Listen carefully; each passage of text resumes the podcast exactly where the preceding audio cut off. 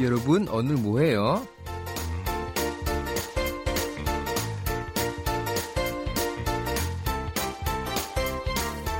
Lagi ngapain nih? Mending kita berbagi cerita di Kepo dengan DJ Lodi. Ya, aku balik lagi temenin kalian di malam minggu pertama bulan Desember ini. Teman-teman, bagaimana kabar kalian semua? Sehat-sehat? Ya, mudah-mudahan iya ya. Dan sehat terus buat menyambut minggu-minggu terakhir di tahun 2019 ini. Dan seperti biasa, aku akan mulai kepo hari ini dengan topik pilihan minggu ini, yaitu Lodi Speak. Tapi sebelumnya kita mau dengerin dulu lagu pertama dari playlist kita minggu ini yaitu dari Intuit lagu Ulala atau Jungdo.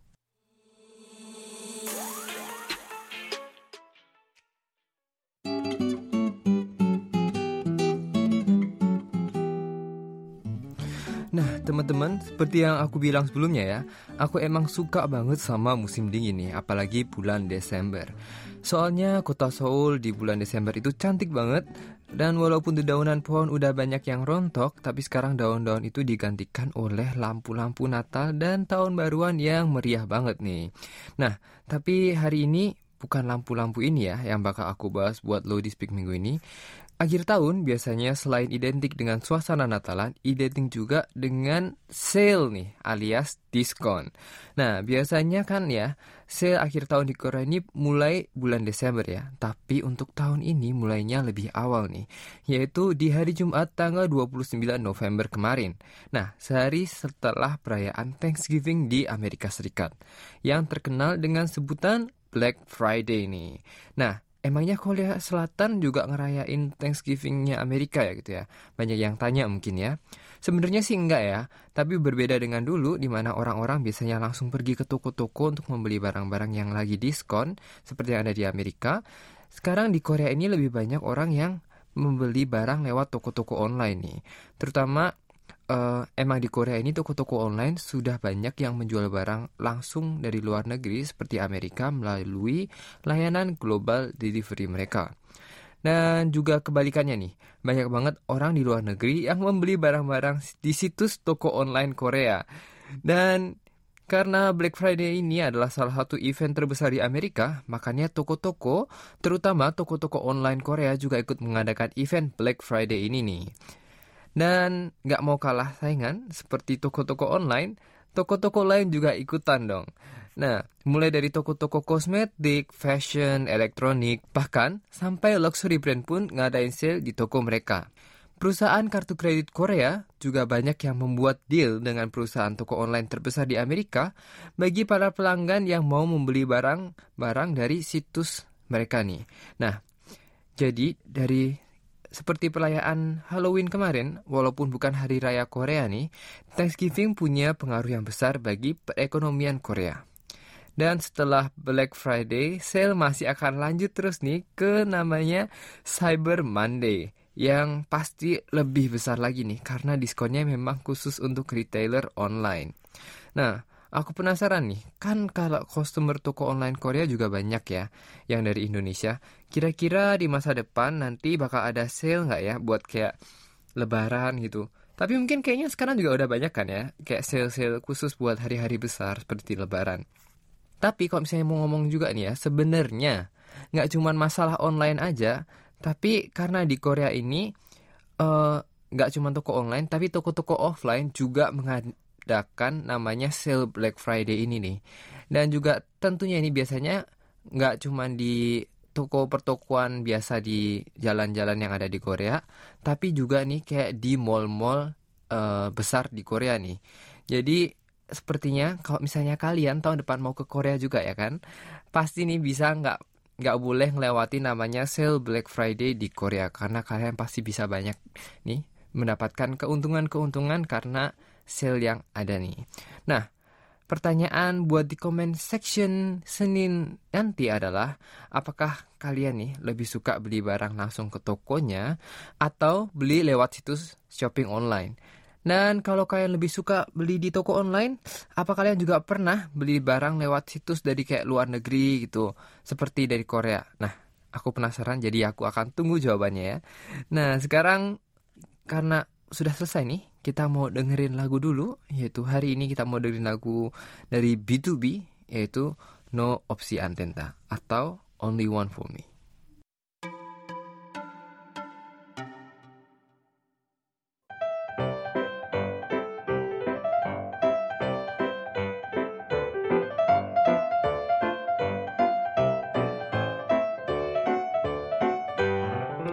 Waktunya berbaperia dengan segmen Baper, buku harian pendengar. Setiap minggunya aku pilih dua diary dari pendengar KBS yang akan aku bacain on air dan diary atau curhatan yang kepilih akan mendapatkan souvenir cantik dari Korea. Untuk bulan Desember ini hadiahnya adalah ornamen tradisional dari Korea yang cantik banget nih. Nah, langsung aja kita bacain ya baper pertama kita hari ini yaitu dari Kuni Sangarati.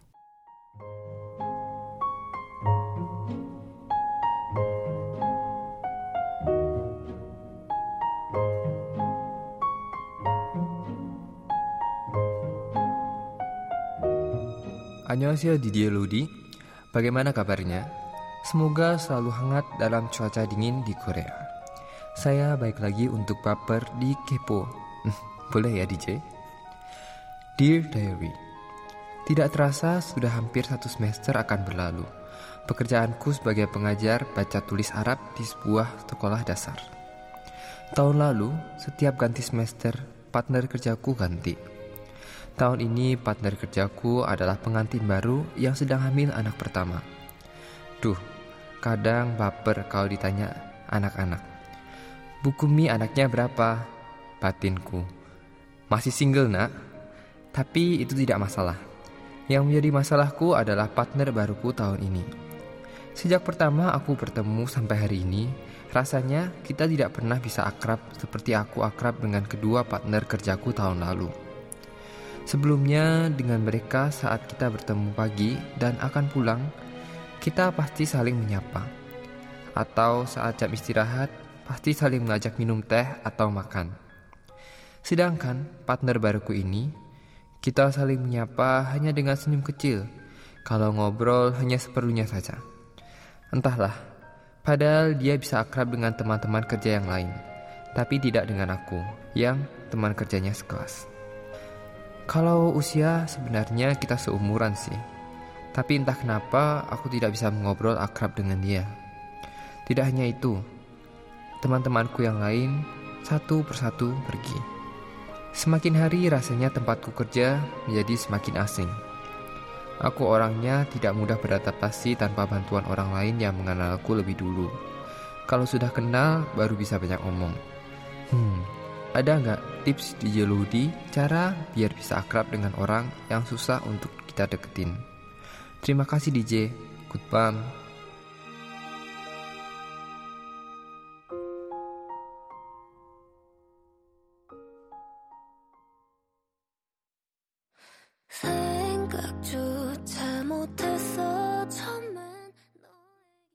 Nah, barusan kita dengerin lagu dari Blue D featuring Mino Winner yaitu Nobody. Hmm, buatku nih ya, sejujurnya aja nih, uh, aku kan juga orangnya lumayan introvert ya. Jadi kita sama-sama susah nih buat cari temen dan bisa langsung akrab gitu kan ya. Nah, kalau misalnya di Korea, salah satu icebreaker yang paling ampuh adalah buat ngajain makan siang bareng nih. Nah, apalagi Kunmi dan partner baru Kunmi ini kan ngajari satu kelas kan. Apakah Kunmi juga pernah ngajak dia makan bareng atau kayak mungkin beliin minuman gitu kan?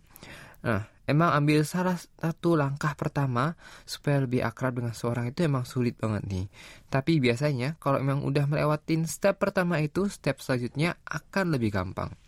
Kayaknya nggak di tempat Kunmi kerja ataupun di KBS, semuanya pasti sama aja nih. Mungkin bisa tanya nih sama PD-PD KBS yang DJ-nya juga silih berganti karena banyak dari kita yang harus pulang ke Indonesia atau udah lulus gitu kan ya atau pergi ke tempat lain. Tapi ya kita harus tetap profesional ya tentunya. Tapi kalau emang kita di posisi yang lebih lama atau senior, kayak PD-PD kita yang ada di sini, kita harus jadi lebih orang yang mengemong atau kayak men-take care kerabat-kerabat baru kita gitu kan ya. Pastinya itu emang bukan hal yang gampang. Tapi pasti aku percaya Kunmi juga bisa. Terus selain itu ada juga nih cara lain yaitu adalah cari kesamaan nih. Mungkin kamu bisa kayak tanya-tanya gitu kan, sedikit sambil ngobrol gitu kan ya. Eh suka apa? Mungkin ada kesamaan uh, suka makanan tertentu atau punya hobi-hobi tertentu yang mungkin uh, kamu bisa cari nih kayak kesamaannya. Jadi kalau misalnya udah cari kesamaannya, pasti lebih uh, seru lagi nih waktu ngobrol dan gak cuman ngobrol seadanya aja, pasti bakal lebih panjang lagi gitu kan ngobrolnya. Semoga Kumi bisa mendengarkan nasihat hari ini. Bukan nasihat ya, mungkin kayak uh, masukan gitu kan ya sebenarnya buat Kunmi dan bisa menjalani hari-hari di sekolah Kunmi lebih seru lagi. Dan jangan patah semangat dan kita mau langsung nih dengerin baper kedua hari ini nih teman-teman. Dan baper kedua hari ini datang dari Nurina Ayu Ningtyas yang katanya di tempatnya sudah mulai masuk musim hujan nih.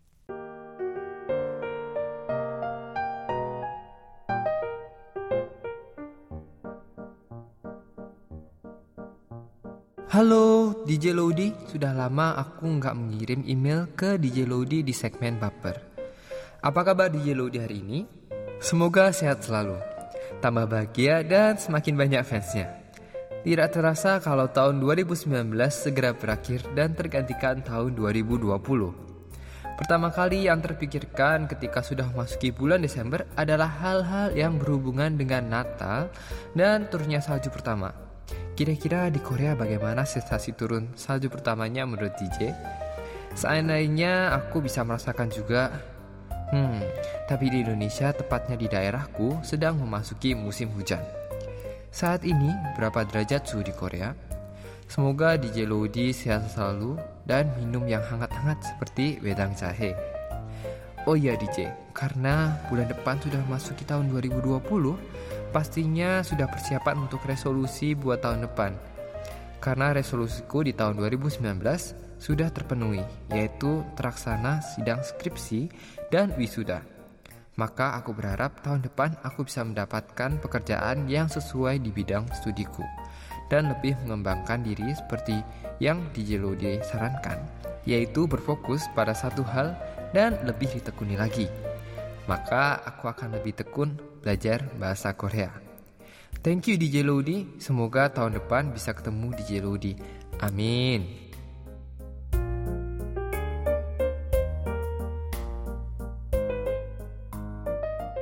Nah, terima kasih Rina atas kiriman bapernya. Dan sebelum aku komen nih, kita mau dengerin lagu dulu ya, yaitu dari Cross, yaitu With You. It's always Halo Rina, terima kasih nih udah kirim uh, dan sharing bapernya buat kita. Dan emang kalau di Korea saljuan di Indonesia hujan ya. Kayaknya kita sama-sama mesti jaga kesehatan supaya nggak kedinginan dan kena flu. Karena di Korea nih sekarang suhunya sudah mencapai minus kemarin. Bahkan kemarin malam nih ya udah mencapai minus 10 derajat Celcius nih. Kayak aku juga kemarin lagi mau jalan gitu kan kaget tiba-tiba lihat udah minus 10 derajat Celcius. Padahal biasanya kalau misalnya di Korea nih ya, biasanya yang paling dingin itu adalah bukan bulan Desember, tapi biasanya adalah bulan Februari nih atau awal tahun gitu kan ya. Tapi mulai baru udah Desember aja udah minus 10 gitu kan ya. Kita semua pada kaget gitu di sini. Dan tentunya udah banyak nih kayak uh, air-air yang mengeras menjadi salju di jalan-jalan gitu kan ya, bikin licin dan emang bikin orang-orang di Korea semakin berhati-hati nih semakin harinya. Dan tentunya selamat nih buat Rina yang udah selesai uh, sidang skripsi dan wisudanya ya kan.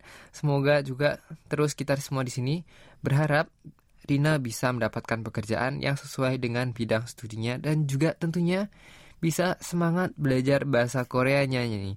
Seperti yang waktu itu udah dibilangin ya kan, kalau misalnya tekun dan pasti semangat pasti semuanya akan dilancarkan oleh yang di atas. Dan juga terima kasih banyak banget nih buat Rina yang juga selalu dengerin dan setia uh, kirimin bapernya buat kita. Selamat buat Kuni dan Rina yang dua-duanya adalah pendengar setia KBS nih. Terima kasih banyak ya, Kunmi dan Rina. Ngomong-ngomong, udah berapa banyak nih hadiah yang kalian dapetin dari KBS? Pasti banyak ya. Nah, jangan lupa nih buat konfirmasi nama dan alamat kalian ke email KBS ya. Dan buat kalian yang tentunya pingin dapat dan belum dapat hadiah kayak Kunmi dan Rina, caranya gampang banget loh. Padahal tinggal kirimin curhatan atau diary kalian ke email KBS di Indonesia at kbs.co.kr atau yang lebih gampangnya lagi tinggal DM di inbox di Instagram dan Facebook KBS World Siaran Bahasa Indonesia. Nah, sebelum giliran aku nih yang baca dari kali ini, kita mau dengerin lagi satu lagu dari Popalkan Sachunggi dan When, yaitu New York.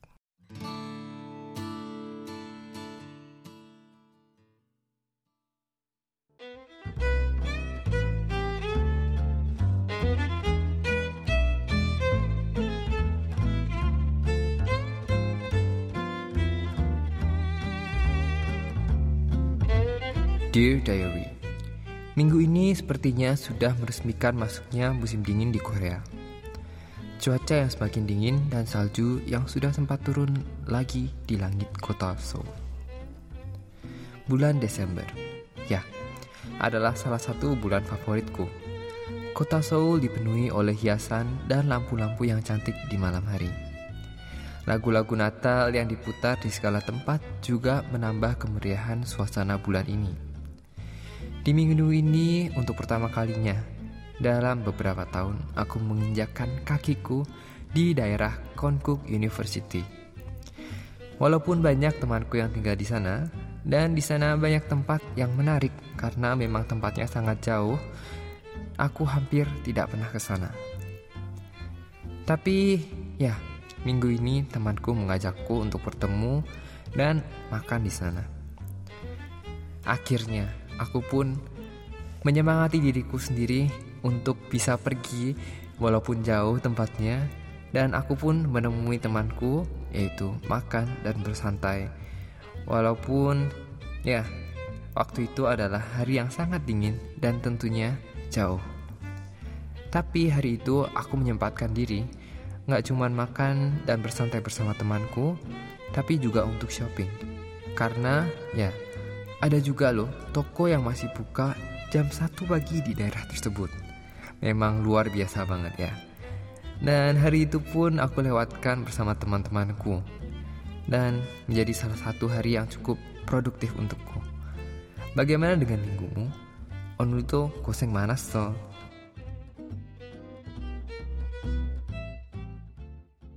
Demikian loh Distari untuk minggu ini.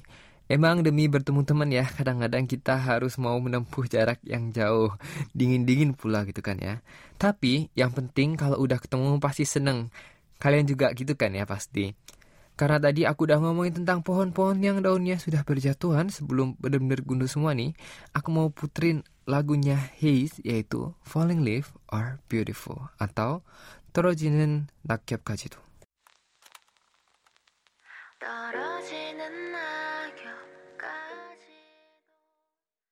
Dan tadi kita udah denger nih lagunya Haze yaitu Torojinen Nagyopkachi atau Falling Leaf Are Beautiful.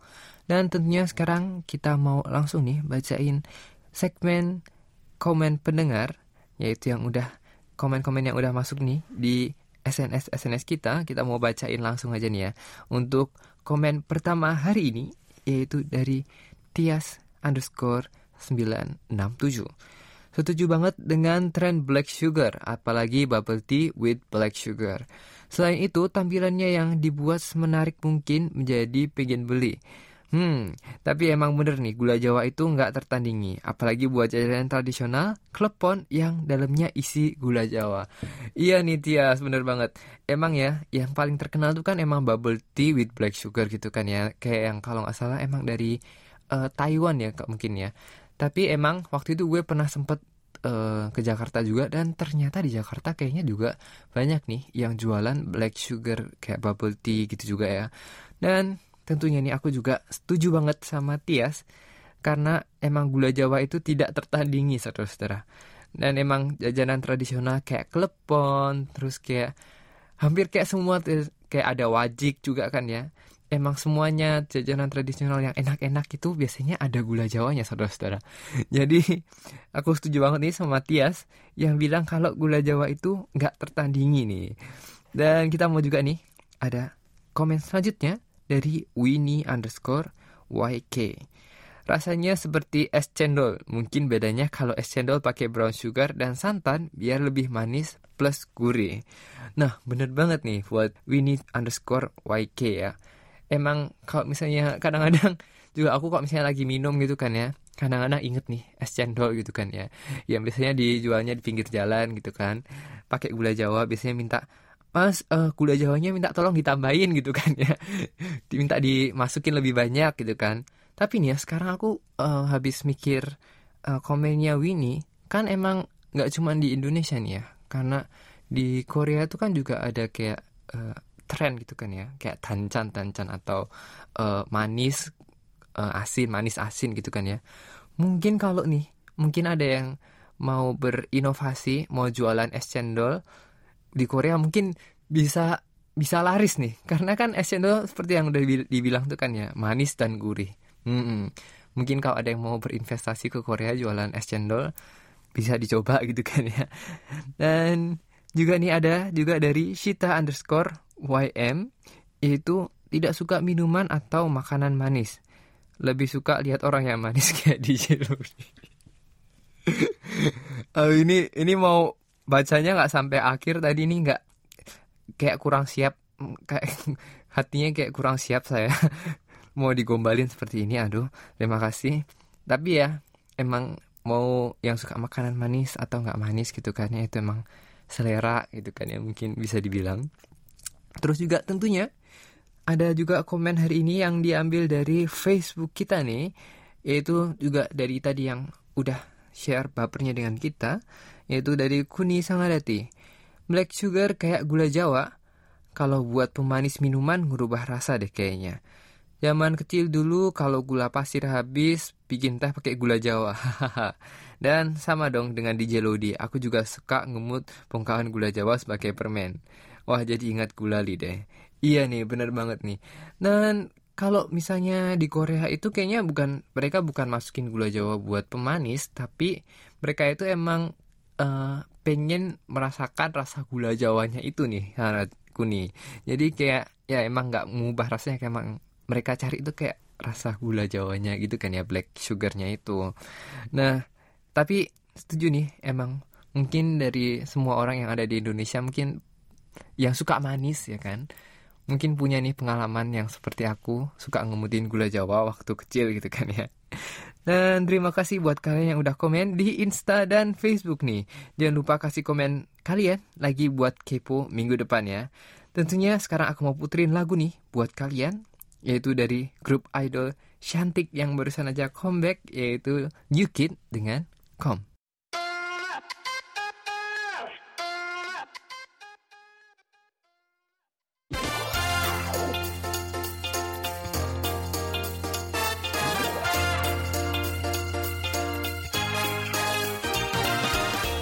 Sampai sudah kita di penghujung Kepo minggu ini. Terima kasih banyak atas kebersamaannya dan mudah-mudahan Kepo sudah bisa menghibur kalian di malam ini. Kita ketemu lagi besok di segmen K-pop 101 bahana lagu Korea bersama DJ Niken.